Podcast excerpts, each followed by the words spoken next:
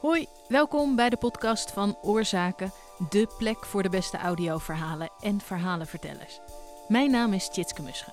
De komende afleveringen van de Oorzaken podcast kun je luisteren naar een best-of van Oorzaken Festival 2023.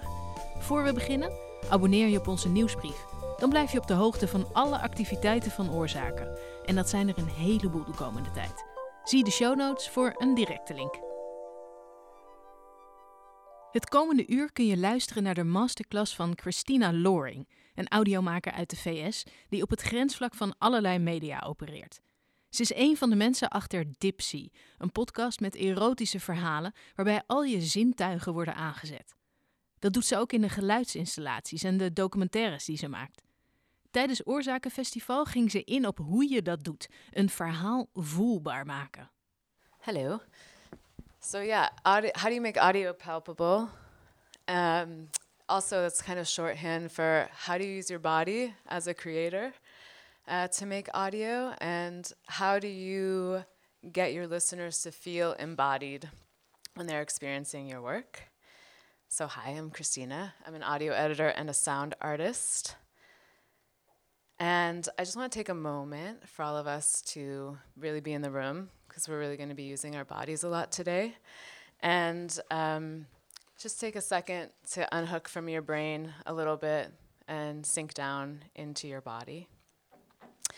Um, when I was thinking about this talk, honestly, I was a little stuck at the beginning. I was like, what is like the most important thing? Because there's a million things we could talk about today.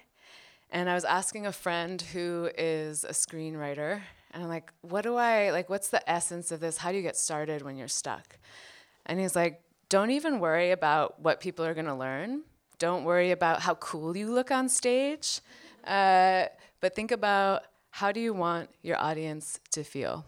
And I was like, oh shit, like that's actually the essence of my talk. How do I want you to feel? Excuse my language, I might swear sometimes. Um, so I think about our medium as obviously audio for a lot of us, but I also think of the medium as feelings and moods.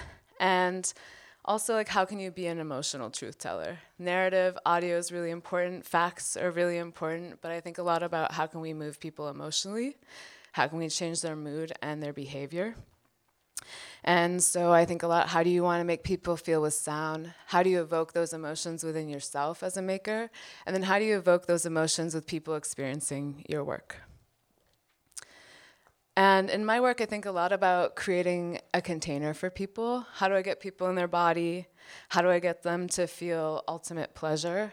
Um, and not just erotic pleasure. Um, how do they connect deeper with themselves?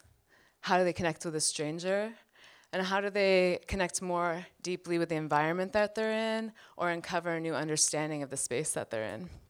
So basically, what I want you all to feel today is kind of like this. Um, I want you to feel sort of nourished like a baby bat eating a watermelon. And I want you to feel the uh, fantastical, boundless possibility of a crab eating a bowl of spaghetti. Um, and then I also want us to think about when you're listening today to what I'm saying or the pieces that I play, where do you feel it viscerally? where is it hitting you? Not just here, like maybe not even just here. Sometimes like I scrunch my nose a lot. I gotta put my glasses on. But I think about when I'm listening to something or making something, where does it literally resonate in my body? So a lot of times I feel something in my inner elbows. If I'm feeling emotionally moved, feels like a tingling sensation right here. Um, if I'm feeling a little more excited, anticipatory, I feel it right here. So just think about, just check in with yourself throughout the talk when you're hearing something like, where is it located for you? And so we're going to just dive into that right now, and I want us to compose some somatic sounds together. Don't be scared. so, the first thing we're going to do, we'll talk about what the vagus nerve is in a second, but I want this half of the room to make a humming sound, I'll tell you when to go. To make a humming sound, like deep in the back of your throat, not like on your lips, but deep in the back of your throat, like almost like you're trying to be a little bumblebee. And when you do it, I want you to feel how it travels down from your jaw down into your stomach. And then this side of the room, so that would be like, mm, or your variation on it. And then this side of the room, I want them to make, I want you to make a VOO sound, like almost like you're making a V with your lower lip. So like, V. Okay. And we'll just do this for like 30 seconds. And if you run out of breath, you can breathe. That's totally allowed. don't, don't feel like we have to go hard. Um, and yeah, we'll see how long we can manage this. So humming, VOOing. Okay, let's do this together. I'll VOO with you guys. All right. Ready? That's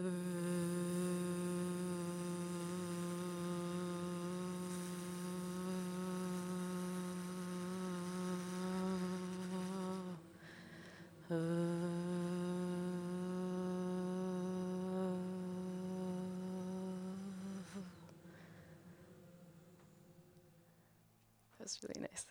Uh, this is like a beautiful bumblebee, good, chaotic, good. Um, so, what we were doing there is really stimulating our vagus nerve. And the vagus nerve is kind of like the it girl on the internet right now. Like everyone's like, how can I just activate my vagal tone? But it really works out really well because your vagus nerve is the longest nerve in your body and basically runs from here down into your torso.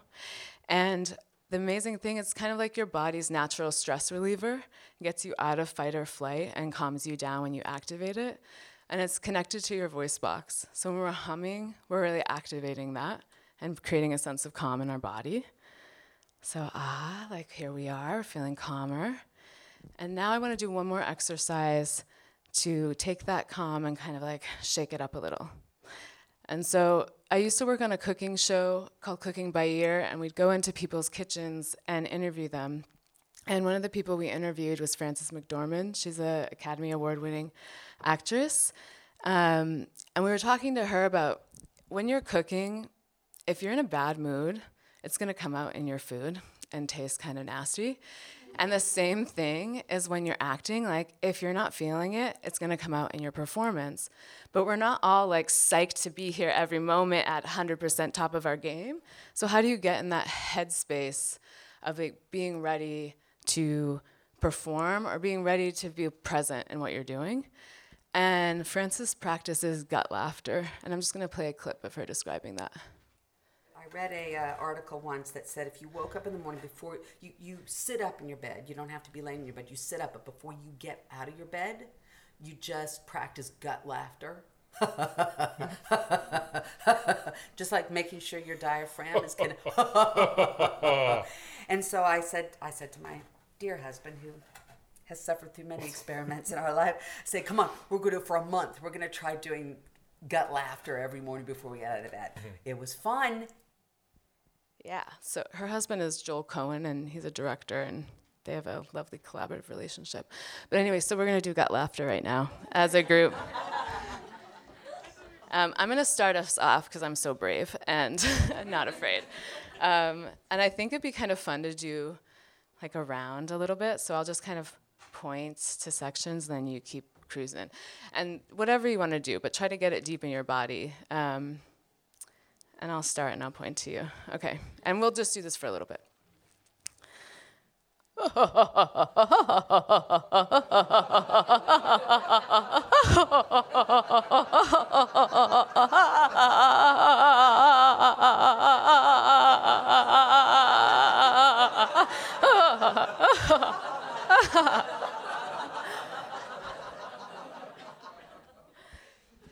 You guys are great. I love this. Okay, that was beautiful. I hope that, like, I felt that. I don't know. Does anyone want to say where they felt that in their body?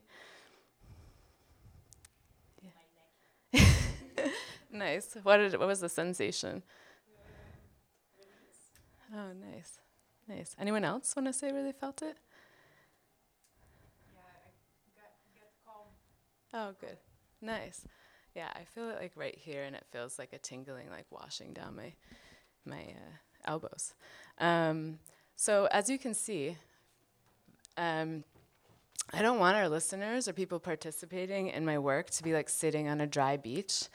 Uh, I want them to jump into the ocean. I want them to feel immersed. And just like they're floating around, you have agency to swim. And I think there's lots of different ways to do that through like somatic exercises like that. Um, but there are other feelings to sort of conjure this liberation of being in the ocean. And one of those ways, I think, is abandoning traditional narrative structure. Controversial. Um, so I don't think you necessarily need a narrative structure to feel emotional resonance with the audio that you're interacting with. Um, I don't think that powerful audio always lives in what we deem to be a capital S story. And a lot of time, times what I'm referring to there is like beginning, middle, character transformation, life changing moment, end. Um, another way to put this, there's a novelist, Luke Geddes, and he was creating a syllabus for his creative writing class. And he was saying sort of this like classic narrative structure is the square. And whenever we're trying to be in service of this square, we take out any moments that are sticking out. And he's saying that when we take out the stick out moments, it kind of looks like a square and it's boring um, or it's just kind of basic and predictable. And he's saying we need to embrace all of the stick out moments instead, instead of trying to smooth it over. And what I think that means in audio is that we're embracing sort of the sonic gold that we often set aside because it's not necessarily serving the story. And I think we need to like amplify those moments more. And that could be overheard conversations, that could be field recordings, um, anything that we want to like I think someone said yesterday, like, we kill our darlings. And I'm like, bring the darlings back. Let's get the darlings a little platform. Um, so I think that, you know, embrace the stick out moments, because they sometimes can be the whole story. And this piece, uh, Thank You for Calling by Jules Bradley, it originally aired on Shortcuts on BBC Radio 4. This piece is super powerful. Um, I think she's really embracing the sonic gold here. And she made it after Roe versus Wade was overturned in the United States, which basically takes away all federal protection for the right to have an abortion. And she was, after that happened, she went around and called a lot, like hundreds of abortion clinics in the US. And this is a little snippet of the result.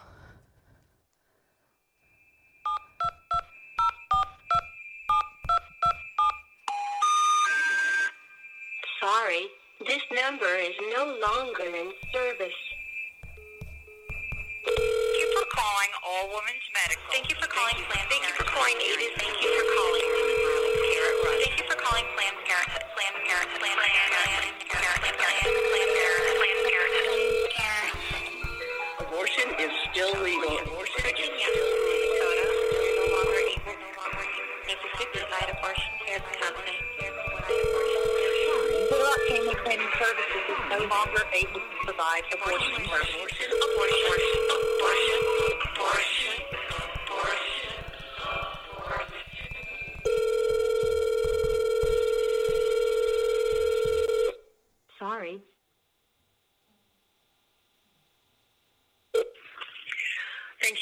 calling Houston Women's Reproductive Services. We regret to inform you that as of Saturday, July 2nd, abortion is no longer available in the state of Texas. We are able to see patients for follow-up visits. We are also able to see patients for ultrasounds and referrals for out-of-state abortions. Please leave your name and number, and someone will call you back, and we can schedule an appointment for you. If you're a current patient and need to speak with a nurse, please reach out to the nurse at the number provided on your aftercare instructions. We hope you all remember to vote. It is very important to vote pro-choice Democrat. Republicans have been working hard to make abortion illegal and inaccessible, and they will not stop. Please remember to vote. Future generations depend on it. Thank you. Let's do a little body check. I want us all to take a little breath because that's super powerful audio. It almost makes me want to throw myself into the sea, what's going on in the United States. But um, I really think about where you feel that peace. I can really feel the frustration, both in having to make all those phone calls and get, you know, busy signals or just these sort of exasperated, exhausted voice messages. But I also can feel at the end of that message, the final message we heard, someone who's totally exhausted, probably really overworked, but is like still holding on to fight. And um, I think that Jules really embraced let's just hear the sonic aspects of a piece without sort of drowning it in over overly contextual narration. And I think sometimes sound kind of ironically can take a back seat in audio storytelling. And that's weird, right? because we use audio. Um, and I think that piece really amplified it. And I think sometimes it's easy to forget that, even when we are working in sound. And it reminds me of this amazing quote um, by Walter Murch. That's Beyonce when she's pregnant, but um, we're making a womb reference here. Um, and Walter Murch is sort of the godfather of sound design. He created the term sound designer. Uh, he did sound design for Apocalypse Now, The Godfather, and so many other films. But he has this essay about how sound is the first sense that's turned on in the womb. And then when sight sort of gets turned on, it takes sound gets the back seat.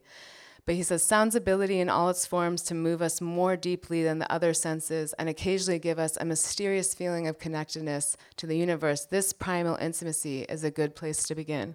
And he's talking to film sound designers, but I think it's important for us to remember that as well. And you know, I think that when I find myself forgetting that, forgetting that sound is so intuitively primal and intimate and helps us connect with ourselves and each other, I try to go to the other extreme, like field recordings. I think field recordings ask us to listen like we're in the womb without us giving narration as a crutch.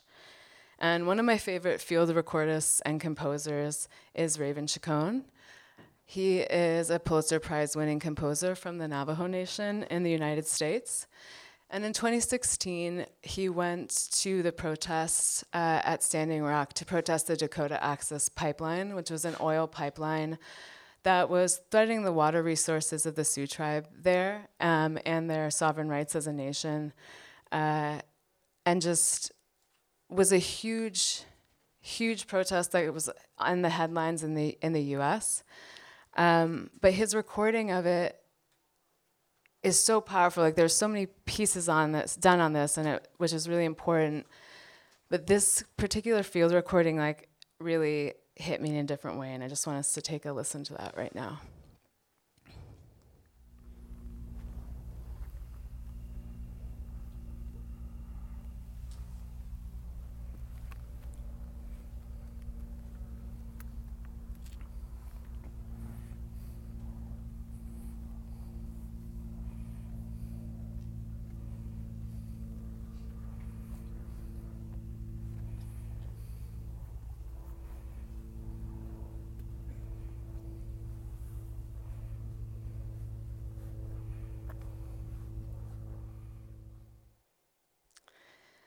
Okay, can anyone tell me something that they heard during that?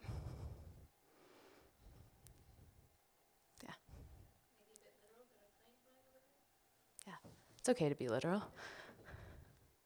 Yeah, there's sort of like a helicopter, a plane, a buzzing. I'm not sure if you're able to hear it, but you're hearing like somebody breathing very close to the mic, someone breathing next to you, and kind of like a shift of clothing.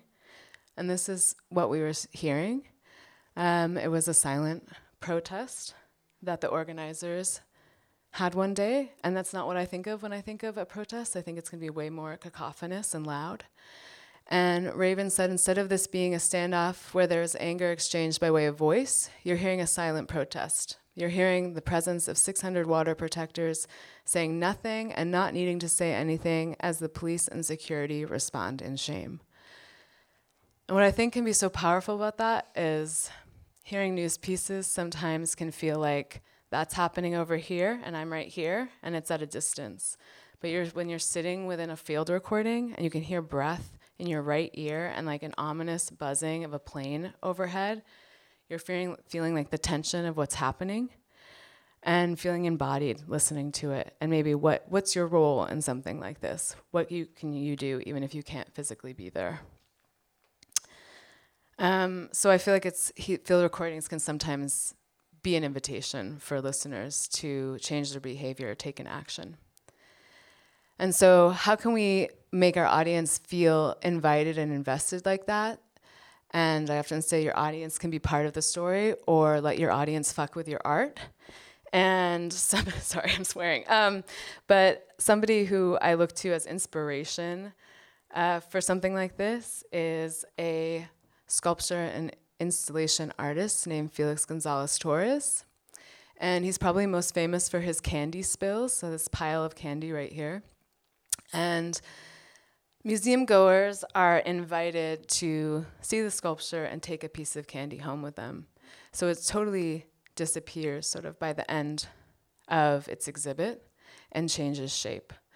And the pile of candy starts by weighing 175 pounds when it's set up, and that's to sort of represent the body weight of Gonzalez Torres's partner, Ross, uh, as he was dying of HIV AIDS related illness. And it seems, it's an interesting contrast, right? That feels really sad uh, and really morbid against these like bright, colorful candies. But there's something super beautiful that Gonzalez Torres is doing with this. It's asking us like, how are we related to something that happened, especially like a social and political crisis like HIV/AIDS in the United States, particularly in the queer community? Um, it's asking the audience to alter the work and then also alter alter the work. Um, like in this photo where somebody made their own little candy pile at home. Um, and the investment sort of activates the work in a way and by the audience participating, they're not just mourning somebody, but they're memorializing somebody and allowing the sculpture to live in multiple places. So it exists in multiple places at the same time and not just in the walls of a museum exhibit. And Helen Molesworth is a curator and art critic, and what she says of his work, because a lot, a lot of his work does this in different ways. She says, We don't exist in one place, we're not bound to this space, this body. Other people are carrying us around all the time. We don't only exist for ourselves, but powerfully we exist because we exist for others. We exist in people's memory. Uh, and what's the way that we build connection through that? And so that work, his work, had a big influence on an installation I made as part of the Smithsonian Sound Scene Festival in 2021 the theme of the festival was emerge like how do we emerge after lockdown and covid? And i think at that time a lot of people were feeling disconnected super lonely and also like what am i doing with my life? Where is the future? Like everything felt really precarious.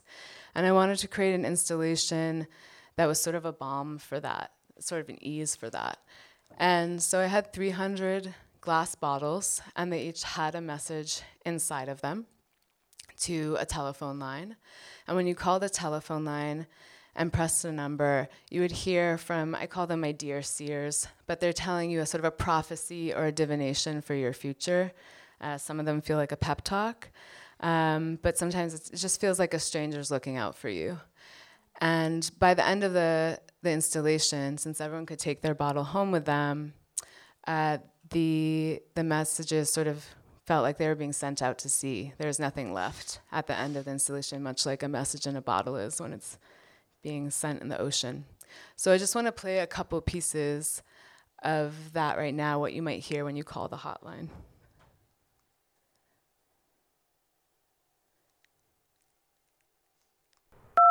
What's the 5678? It's your boy Sir Jock, and I want to let you know it is hot girl summer, and it's time to get litty for the committee. Put on your favorite outfit, put on your poppin' lipstick, and slay, honey. Now, if you want to pump on some pumps, pump in a pump and go to the grocery store. Live your life for you. Do you, because ain't nobody gonna do it better than you, and that's on period. Ow! Someone failed to recognize your magnificence. So what you go do? I'll tell you what you go do. You go be unperturbed. You go be unbothered. You go continue to be unfuckwithable. You go recognize that the party begins and ends with you. You are the motherfucking party. So grab a cake, grab a candle, blow your shit out and glow your shit up, bitch. The yummy and good good in me recognizes the yummy and good good in you to the goddamn yummy and good good.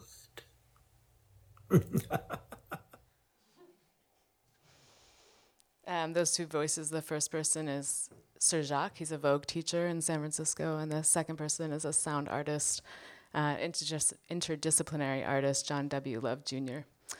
Um, so when you're creating some sort of work like this, I think like like I said, message in a bottle. Like when you receive a message in a bottle, IRL. Like I found a message in a bottle on the beach on the island where I live, and that's what also inspired this installation. And I was like, oh, I'm so special, and I felt so I felt so chosen. It's very intimate, and I think there's an extreme. Yeah, extreme intimacy of feeling chosen. And so, how do you make your audience feel that way? And how do you make it feel personal? And how do you do it even when you don't have a physical object to hand to them? And now we've reached the erotica portion of our presentation. Yay! Um, so I'm gonna be playing some erotica, nothing explicitly sexual, but there's gonna be some very like baritone voices, some heavy breathing. So if that makes you uncomfortable, maybe plug your ears and I'll give you a heads up when I'm about to play it. But um, I used to work for Dipsea. I was the head of audio at Dipsea, which means I ran the production and editorial teams. And Dipsea uh, is an erotic audio fiction app. And we really had to ask ourselves a lot of questions, very different from anything I had made before. I had a background in narrative documentary. And so there's different goals for working at a feminist audio erotica company. And some of our goals we'd ask ourselves to see if we've been successful is like how in our, their body our listeners could be, how at ease could they feel, how well could we could they imagine themselves in the pieces we were creating, and how much could we create a container that is sensual, consensual, and safe. And you know, I think it's erotica is very fragile. One detail, one sound can really take you out of the moment. And that's very personal for everyone. But one thing we really leaned on is our sound design. Like, that is how we got people in their body.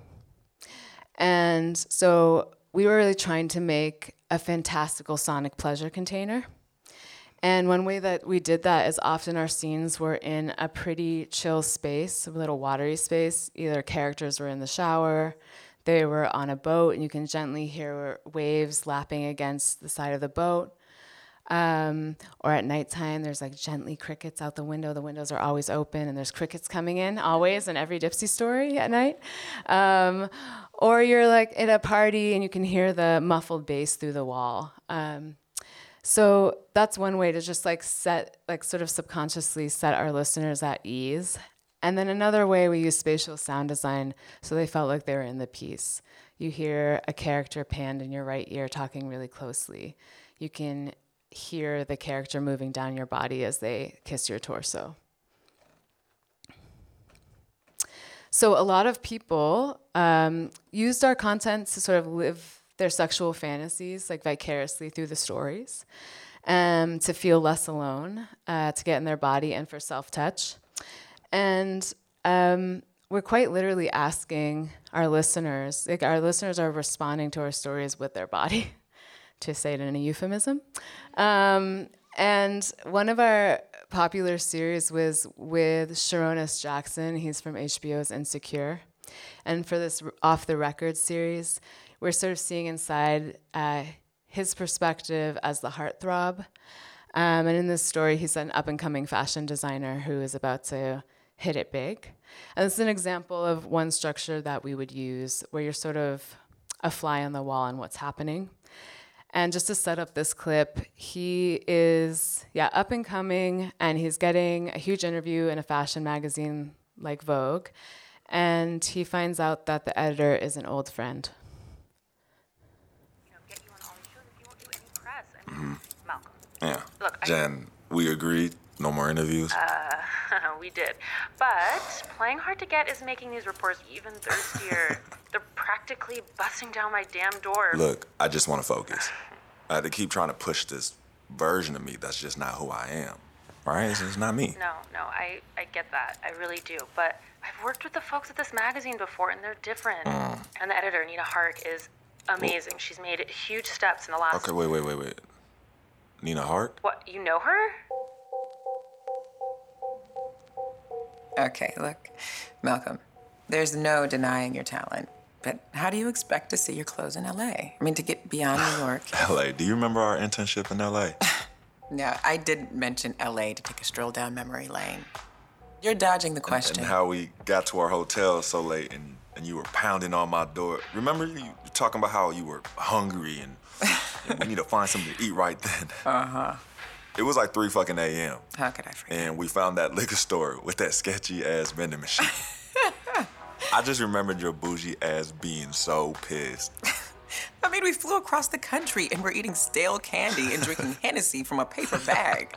if I wanted to wander around sketchy streets, hungry and drunk, I could have stayed in New York for that. Uh, I was just focused on. I don't know. I remember thinking maybe something was going on between us that night. We're still on the record, Malcolm.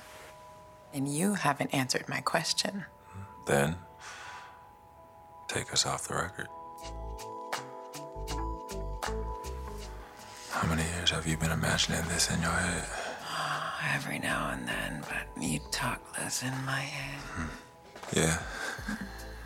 You were less stubborn than mine. That doesn't sound like me. Doesn't. So yeah, that's one style. Maybe we all need to take a breath after that. The next clip is a little more sensual than that, so just prepare yourself. Um, yeah, so that's one style, but then another sort of popular style in erotica, in audio erotica specifically, is really inviting your listener in a different way and making them a character in the story. So we usually use second person for that. And what second person invitation does is immediately draws the listener in, invites them to think about their positionality in the piece, and asks them to think of their own agency, like what can they do in response to hearing the piece and how it makes them feel with their senses and their behavior and their movement.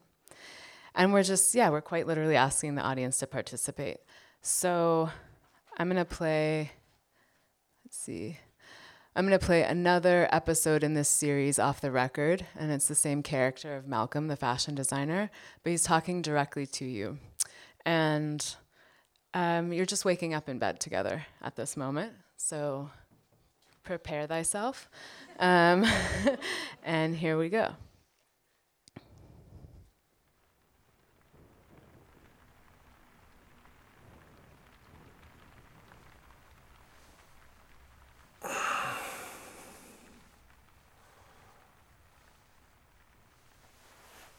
I dozed off on you. Just had the craziest dream about it. I was working late trying to finish a new sketch. Must have heard the storm in my sleep because the windows in my studio were all blurred out from the rain. The streetlights looked like gold melting down the glass. I kept trying to get the design in my head down on the paper, but it wasn't working. All my failed sketches were crumbled on the floor. I was, uh, ready to call it. Started packing up when you appeared. And you were just standing in the middle of the room. Your hair was damp and your eyes, your eyes were wild. Like you just run through the storm. My eyes rolled over your body real slow. I had this feeling that if I said something, you'd disappear. So I walked towards you without saying a word pressed against your back and breathed in deep. I wanted to drink every inch of you in. You flickered like a mirage. I woke up right before you faded away.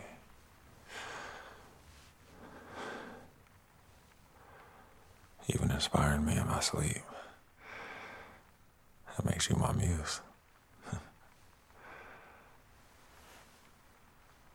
You alright? Fuck it. I'm not ready to get out of bed. I'm not ready to go to sleep either. Ooh. Um, yeah, so that piece you can hear it has an entirely different feeling when you're feeling talked to directly. And I think it leaves room for the participant, uh, the listener, to add their own stakes into the piece. And I think it's really important in our work to leave room for that investment instead of overly um, emphasizing, articulating sometimes what what are the stakes. These are the stakes, and something like that. Um, yeah, listeners bringing their own stakes to it and their own impression to it. And so now I'm, we're kind of circling back to the beginning of the presentation. What do you do when you're making this work and you want to feel curious, activated, and alive, but you're really stuck? And when I feel most often stuck, it's usually when I'm in between projects and I'm like, what am I doing with my life? Or what am I making next? Or what's the most important thing to be doing? And whenever I'm in that stuck sort of creation paralysis, I think about my two friends, a coyote and a badger. and this clip is really cute. So, coyotes and badgers hunt together. They seem like an unlikely interspecies friendship you know, cute little badger butt walking away, so cute. And sometimes I try to conjure them. So when they're hunting together, it's because they have different hunting skills. Um, so a badger's better at digging, slow and steady, waddling around. And a coyote is better at being quick and nimble and playful and fast and can chase. So if a you know, if a coyote can't catch something and it goes underground, the badger's going to dig it out. Um, or if the badger's digging it out and it's trying to run, the coyote's going to get it. Um, so I'm trying to either be a badger or a coyote in my creative process. And not usually the same at the same time. Like different things call for different badger and coyotes. So one way I try to be a badger is through deep listening.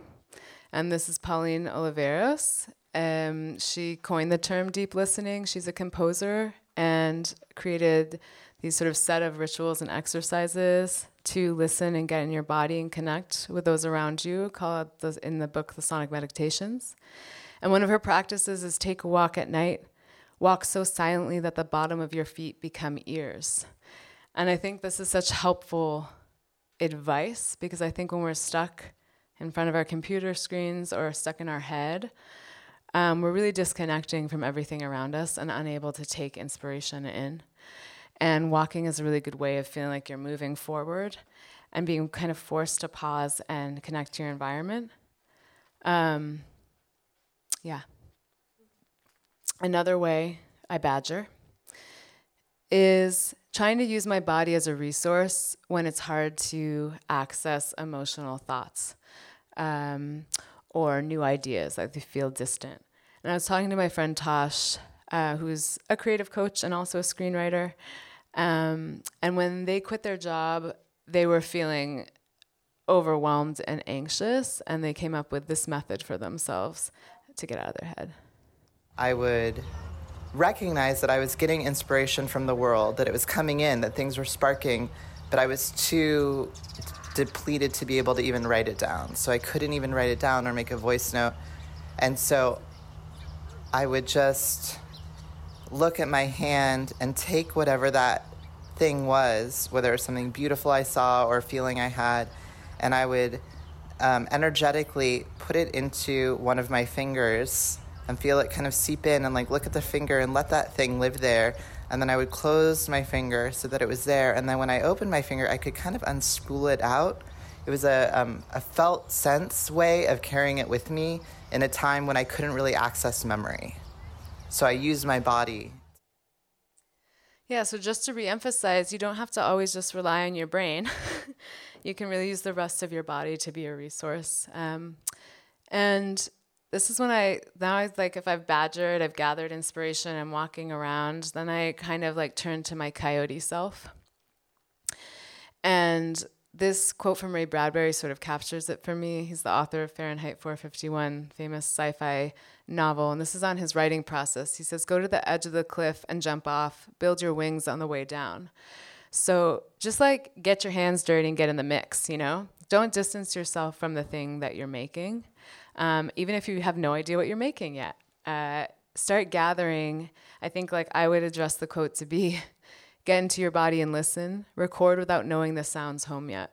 So a lot of the time, if I'm going out for a walk, um, either with the intention of trying to get inspiration or just being in a new city or what have you, I have my phone with me and I'm often recording from my phone. Just little bits of sound that I think are helpful overheard conversations.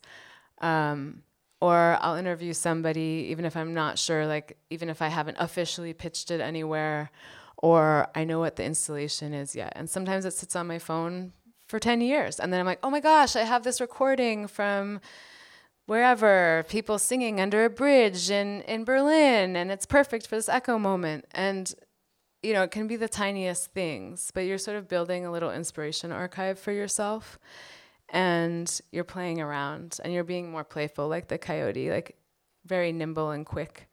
Um, and not just being stuck in your head. So, yeah, I hope you can all embrace your inner badger and coyote and feel in your body. We'll just do one last check in together of like how we're feeling. Maybe we can just, yeah. I saw all of you just like sit up. Like, okay. So let's just take like one little breath.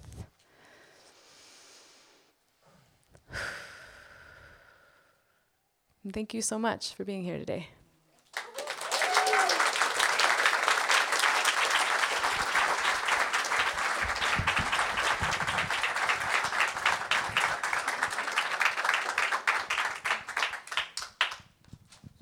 Thank you so much. That was, I want to say exciting, but also very relaxing. That's a really wonderful uh, combination.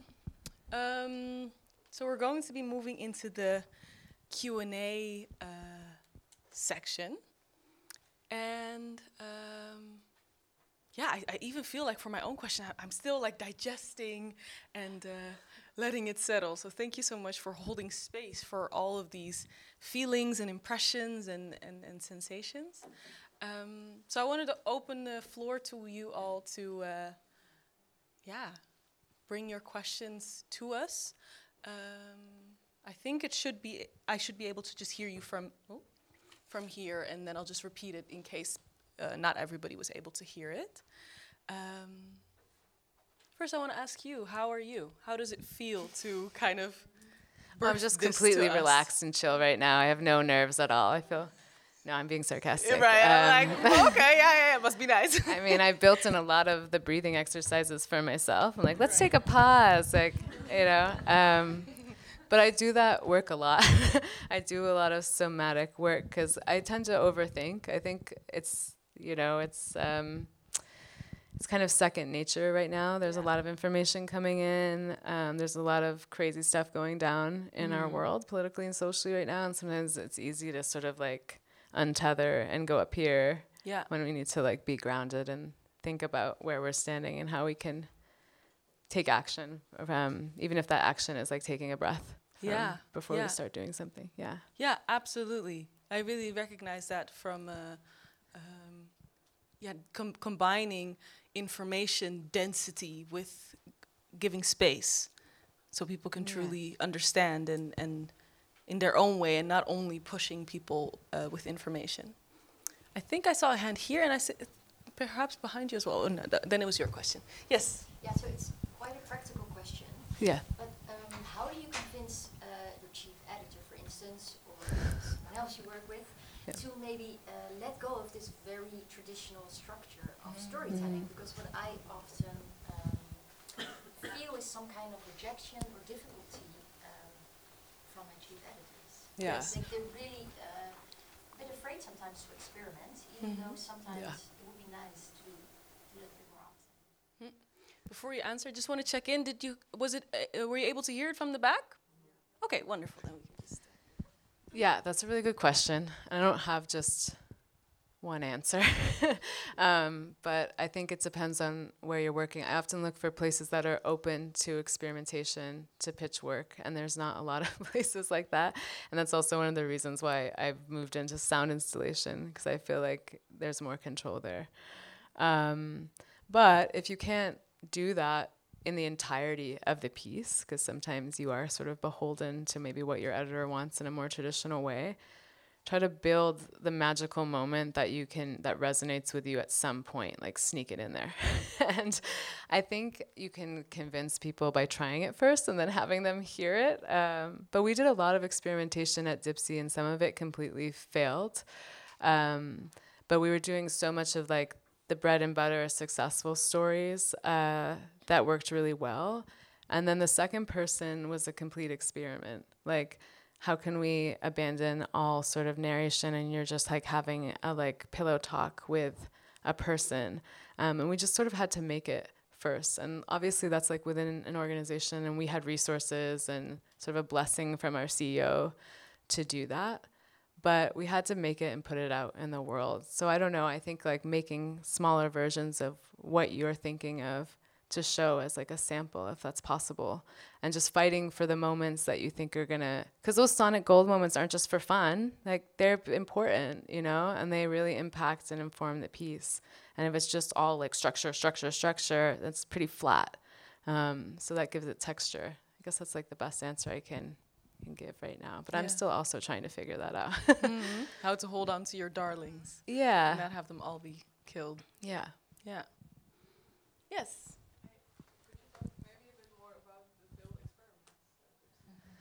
Um, yeah, I think sometimes we would try to do. Let me think of a good one. I mean, nothing was just like a complete bomb, and maybe we'd just have like a smaller audience. Um, and there's some times where we could cater to that, but also still have to be making. But we tried to do, trying to think of how that went. We tried to make something where it sounds like a real person confessing what they're doing, but it was an actor, but they were doing improv. But there was sort of like we were trying to combine fiction and documentary. We should have just leaned more deeply into having a real person confessing something. Like people could maybe sniff out the artifice. Um, and yeah, that's what I mean too with erotica being super fragile. Um, you can like the smallest sound detail, vocal change can really take people out, and then they stop listening. And we obviously, well, we don't want people to get to the very end. Haha, erotica joke. Um, we, you know, anyway, but that was like an example. So it was kind of like we weren't leaning in enough to one or the other. So it's that's the other thing. It's like try to really commit to the experiment. Don't be like, okay, we'll kind of do it, but then we'll like pull back. Like really go for it and trust your intuition with that. Did you end up trying that with the real people confession, or did the, the idea we didn't. just, we uh, stuck to fiction. stuck to fiction? we yeah, stuck to fiction. yeah, yeah, yeah. Yes, a question here in the front. Yes. Uh, thank you for this wonderful uh, and ins- Thank you. inspiring talk. Mm. Uh, I wondered, do you always make your deadlines? Because uh, I, I would struggle. I would think that the badger needs more time, or would feel, you know, and then sometimes, yeah, your deadline just forces you to be a fox, and then what do you do? Yeah, that's a good question. I think like sometimes, yeah, you have to like have the badger take a little nap and like lean into the coyote. And by the time it wakes up, it's everything's yeah, everything's different and done, and you've presented. No, but I think I think like um, at Dipsea, deadlines were ev- like nine stories a week at, that, at different stages. So we had to be on deadlines, and it was my job to keep people in charge of deadlines. So I couldn't just be like, let's badger around. But there were so many stories at different stages, so there was room to be a badger in one portion of our editorial calendar, while you had to be a coyote in the other.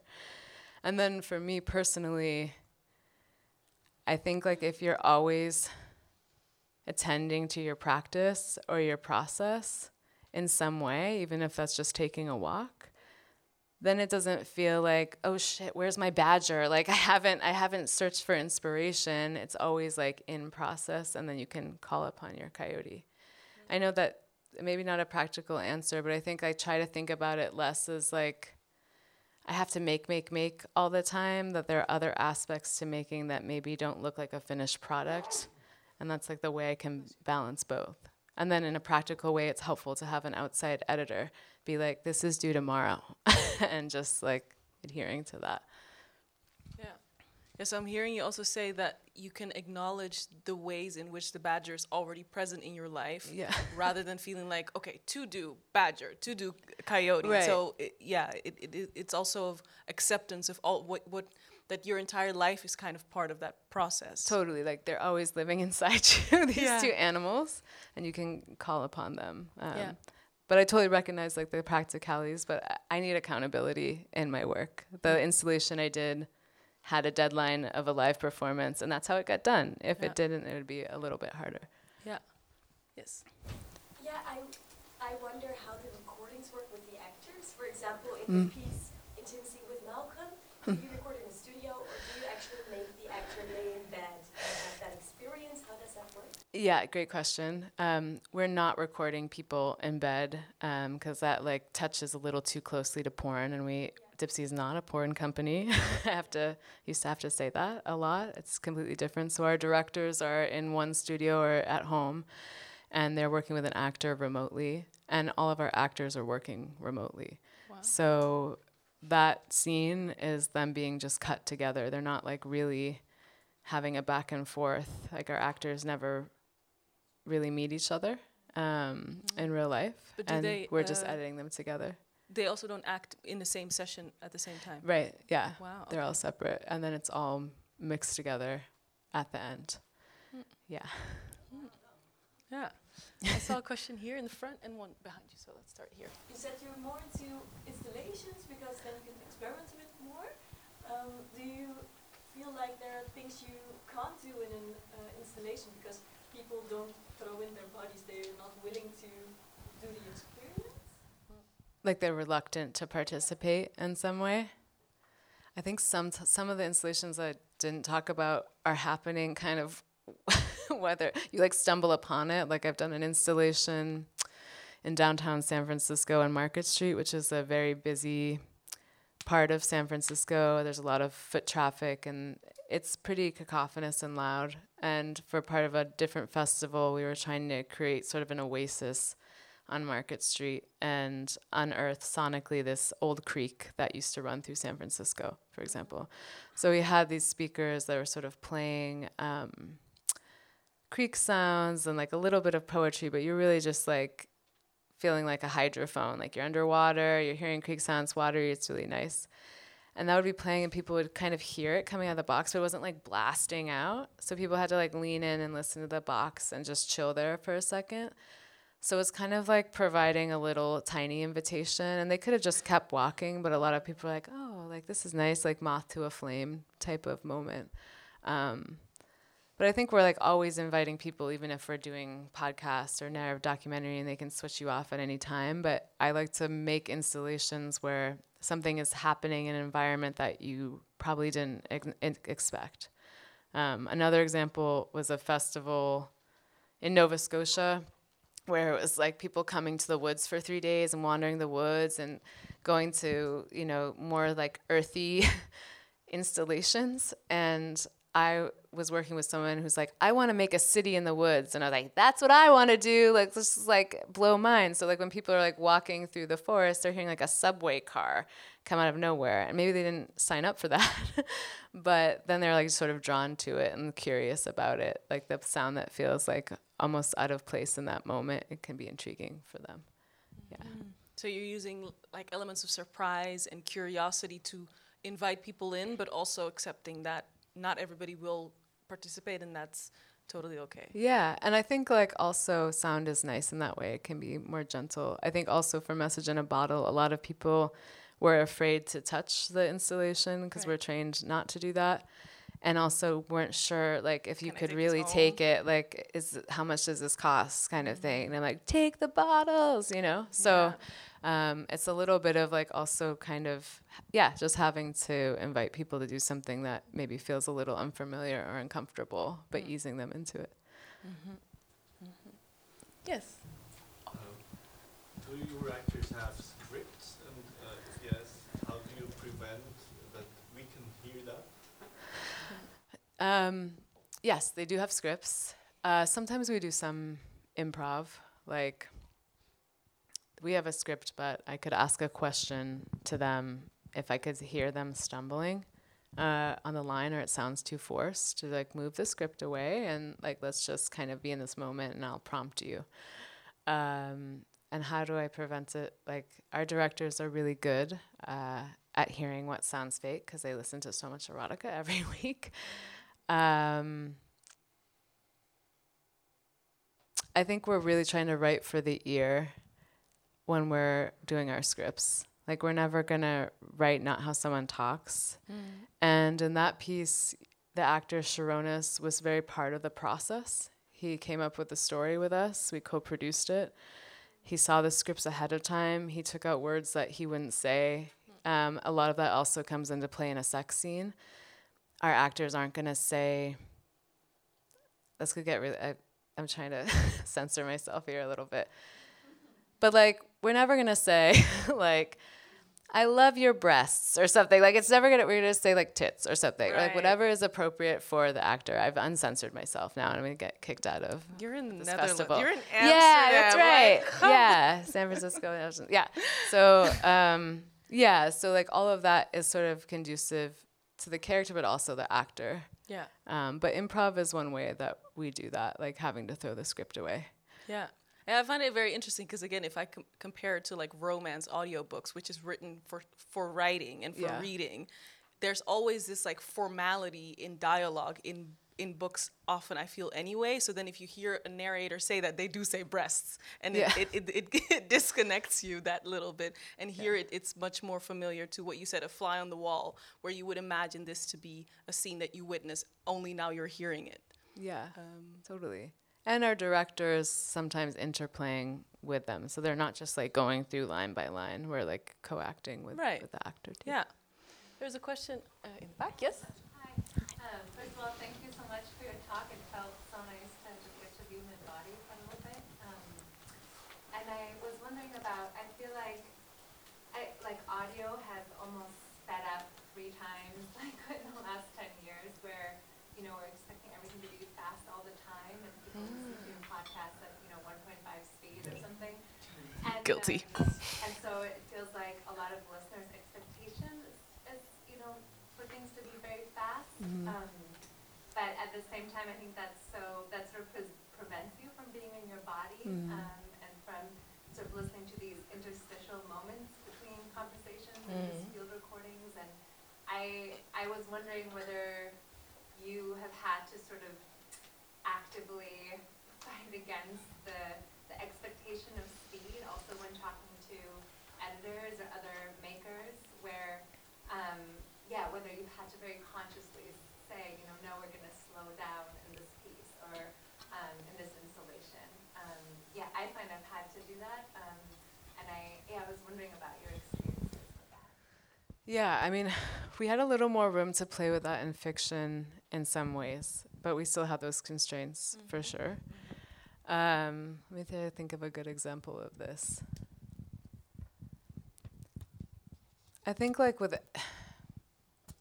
hmm, I think like with these sort of things too, it's the whole thing might not be great really slow. Like you might need to build some different texture into it, and if you're doing that, then you can really fight for the slow moments. Like the end of that, I cut it off, but the end of that pillow talk is like three or four minutes of rain and falling outside and sort of like wrestling and breathing in bed.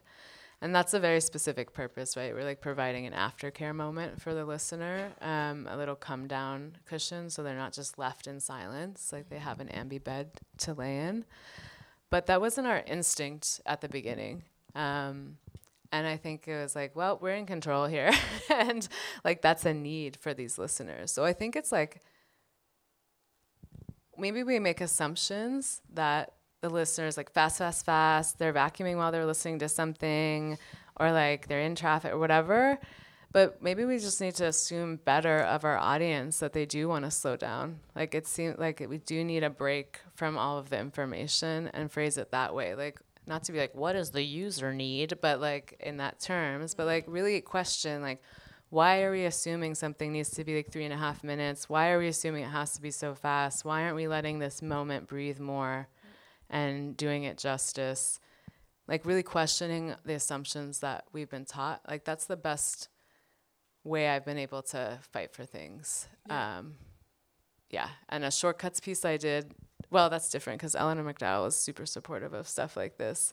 But I had like a meatball sizzling sound for a long time in the beginning, and that could be like a little pretentious, but it's a really satisfying sound.